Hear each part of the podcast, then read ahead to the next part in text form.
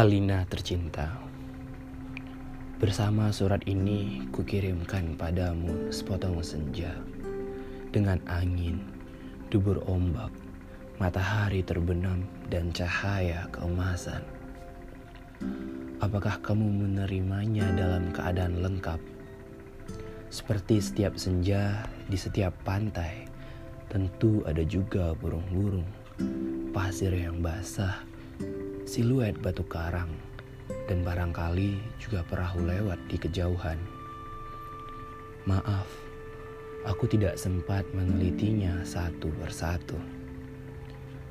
Mestinya ada juga lokan, batu yang berwarna-warni, dan bias cahaya cemerlang yang berkeretap pada buih yang bagaikan impian selalu saja membuat aku mengangankan segala hal yang paling mungkin kulakukan bersamamu.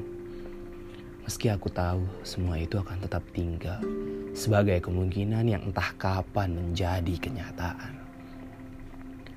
Kukirimkan sepotong senja ini untukmu Alina dalam amplop yang tertutup rapat dari jauh karena aku ingin memberikan sesuatu yang lebih dari sekedar kata-kata. Sudah terlalu banyak kata di dunia ini Alina dan kata-kata ternyata tidak mengubah apa-apa. Aku tidak akan menambahkan kata-kata yang sudah tak terhitung jumlahnya dalam sejarah kebudayaan manusia, Alina. Untuk apa? Kata-kata tidak ada gunanya dan selalu sia-sia. Lagi pula siapakah yang masih sudi mendengarnya? Di dunia ini semua orang sibuk berkata-kata tanpa pernah mendengar kata-kata orang lain. Mereka berkata-kata tanpa peduli apakah ada orang lain yang mendengarnya. Bahkan mereka juga tidak peduli dengan kata-katanya sendiri. Sebuah dunia yang sudah kelebihan kata-kata tanpa makna. Kata-kata sudah luber dan tidak dibutuhkan lagi setiap kata bisa diganti artinya, setiap arti bisa diubah maknanya. Itulah dunia kita, Alina. Kukirimkan sepotong senja untuk Alina. Bukan kata-kata cinta. Kukirimkan padamu sepotong senja yang lembut dengan langit kemerah-merahan yang nyata dan betul-betul ada dalam keadaan yang sama seperti ketika aku mengambilnya saat matahari hampir tenggelam ke balik cakrawala. Alina yang manis, Alina yang sendu. Akan kuceritakan padamu bagaimana aku mendapatkan senja itu untukmu. Sore itu aku duduk seorang diri di tepi pantai, memandang dunia yang terdiri dari waktu. Memandang bagaimana ruang dan waktu bersekutu, menjelmakan alam itu untuk mataku.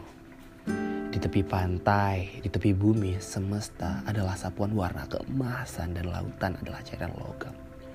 Meski buih pada debur ombak yang mengempas itu tetap saja putih seperti kapas dan langit tetap saja ungu dan angin tetap saja lembab dan basah dan pasir tetap saja hangat ketika kususupkan kakiku ke dalamnya.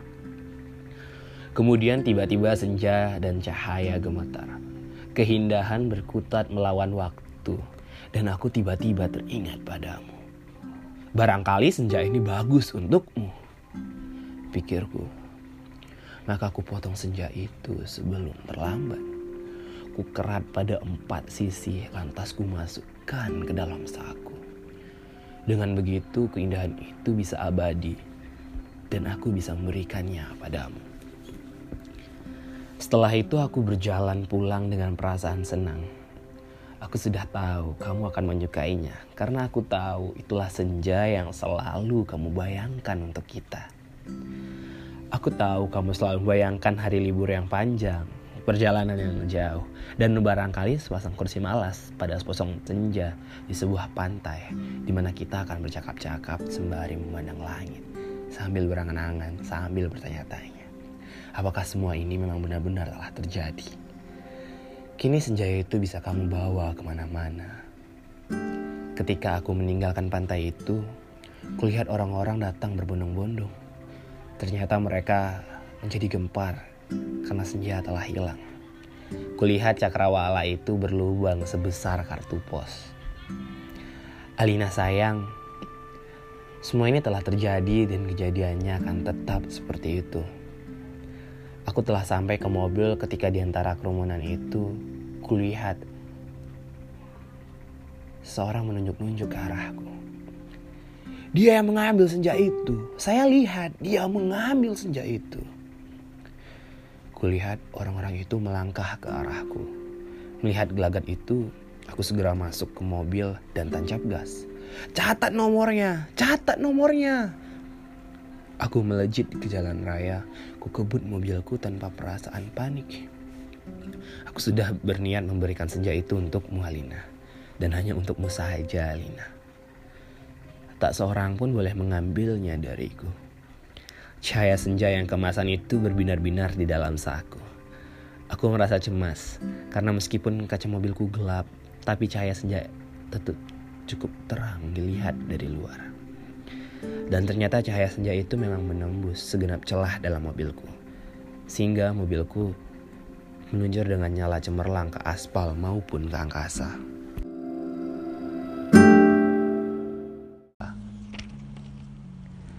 Dari radio yang aku setel aku tahu berita tentang hilangnya senja telah tersebar ke mana-mana. Dari televisi, dalam mobil, bahkan kulihat potretku sudah terpampang. Aduh, baru hilang satu senja saja, sudah paniknya seperti itu. Apa tidak bisa menunggu sampai besok? Bagaimana kalau setiap orang mengambil senja untuk pacarnya masing-masing? Barangkali memang sudah waktunya dibuat senja tiruan yang bisa dijual di toko-toko, dikemas dalam kantong plastik, dan dijual di kaki lima. Sudah waktunya senja diproduksi besar-besaran supaya bisa dijual anak-anak pedagang asongan di perempat jalan. Senja, senja, cuma seribu tiga. Di jalan tol, mobilku melaju masuk kota. Aku harus hati-hati karena semua orang mencariku. Sirene mobil polisi meraung di mana-mana.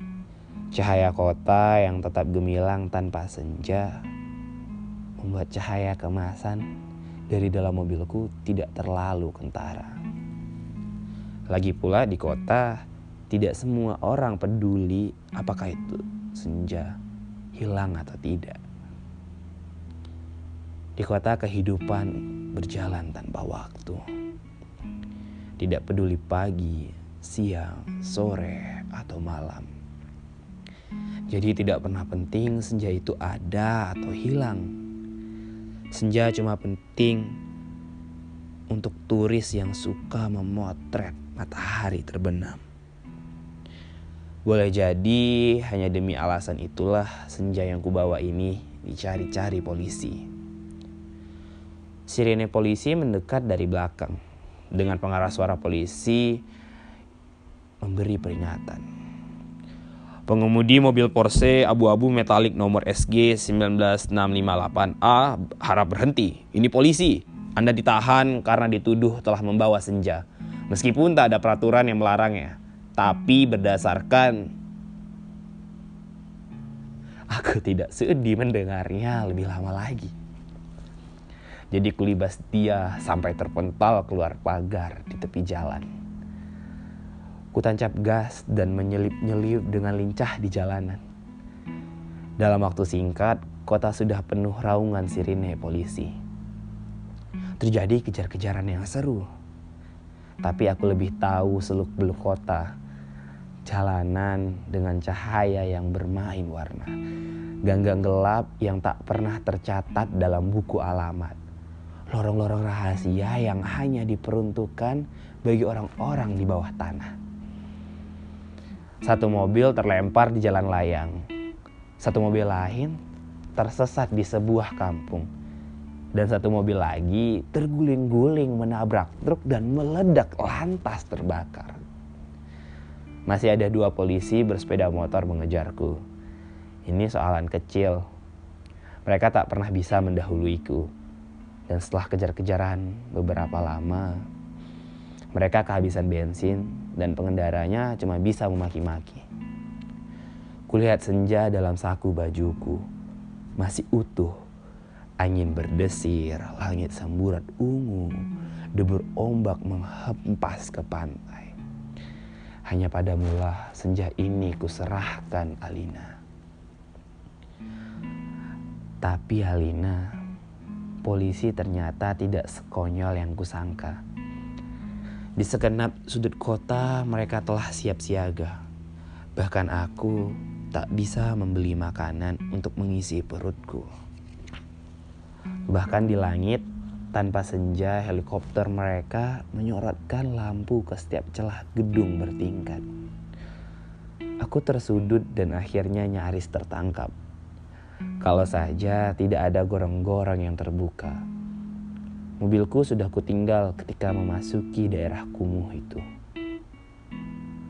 Aku berlari di antara gudang, rumah tua, tiang, serta temali. Terjatuh di atas sampah, merayapi tangga-tangga reyot, sampai seorang gelandangan menuntunku ke suatu tempat yang tak akan pernah kulupakan dalam hidupku. Masuklah, katanya tenang. Di situ kamu aman. Ia menunjuk gorong-gorong yang terbuka itu ada tikus keluar dari sana. Baunya bacin dan pesing. Ku tengok ke bawah, kulihat kelawar bergantungan. Aku ragu-ragu. Namun dari helikopter dengan lampu sorotnya yang mencari-cari itu melenyapkan keraguanku. Masuklah, kamu tidak punya pilihan lain. Dan gelandangan itu mendorongku. Aku terjerembab jatuh bau busuknya bukan main. Gorong-gorong itu segera tertutup dan ku dengar gelandangan itu merubahkan diri di atasnya. Lampu sorot helikopter menembus celah gorong-gorong, tapi tak cukup untuk melihatku. Kuraba senja dalam kantongku. Cahayanya yang merah kemas-emasan membuat aku bisa melihat dalam kegelapan. Aku melangkah dalam gorong-gorong yang rupanya cukup tinggi juga. Kusibakkan kelelawar-kelelawar bergantungan yang tah mati entah hidup itu. Kulihat cahaya putih di ujung gorong-gorong. Air busuk mengalir setinggi lutut. Namun makin ke dalam makin surut. Di tempat yang kering, kulihat anak-anak gelandangan duduk-duduk maupun tidur-tiduran. Mereka berserakan memeluk rebana dengan mata yang tidak memancarkan kebahagiaan. Aku berjalan terus melangkahi mereka dan mencoba bertahan.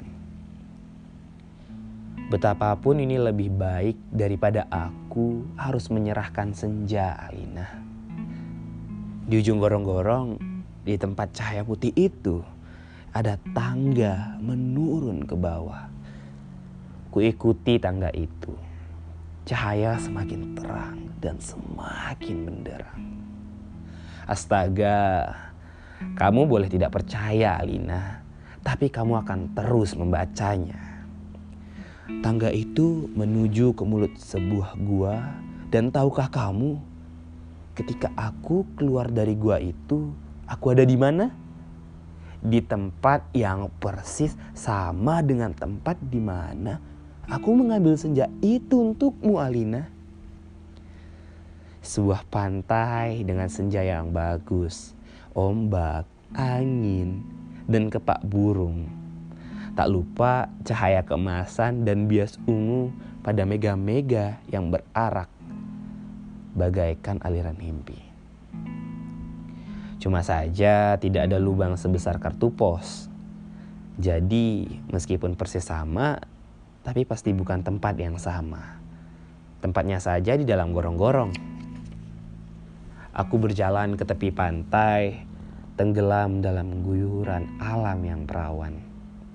Nyiur tentu saja, matahari dan dasar lautan yang bening dengan lidah ombak yang mendesis-desis. Tak ada cottage, tak ada barbecue, tak ada marina. Semua itu memang tidak perlu. Senja yang bergetar melawan takdir, membiaskan cahaya kemasan ke tepi semesta. Aku sering malu sendiri melihat semua itu, Alina. Apakah semua itu mungkin diterjemahkan dalam bahasa? Sambil duduk di tepi pantai, aku berpikir-pikir. Untuk apakah semua ini kalau tidak ada yang menyaksikannya?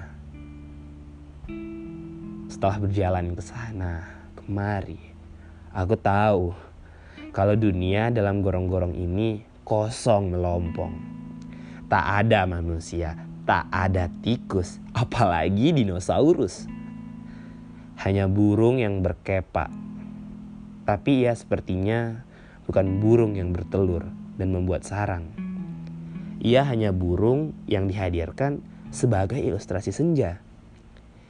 Ia hanya berkepak dan berkepak terus di sana. Aku tak habis pikir Alina, alam seperti ini dibuat untuk apa? Untuk apa senja yang bisa membuat semua orang kepingin jatuh cinta?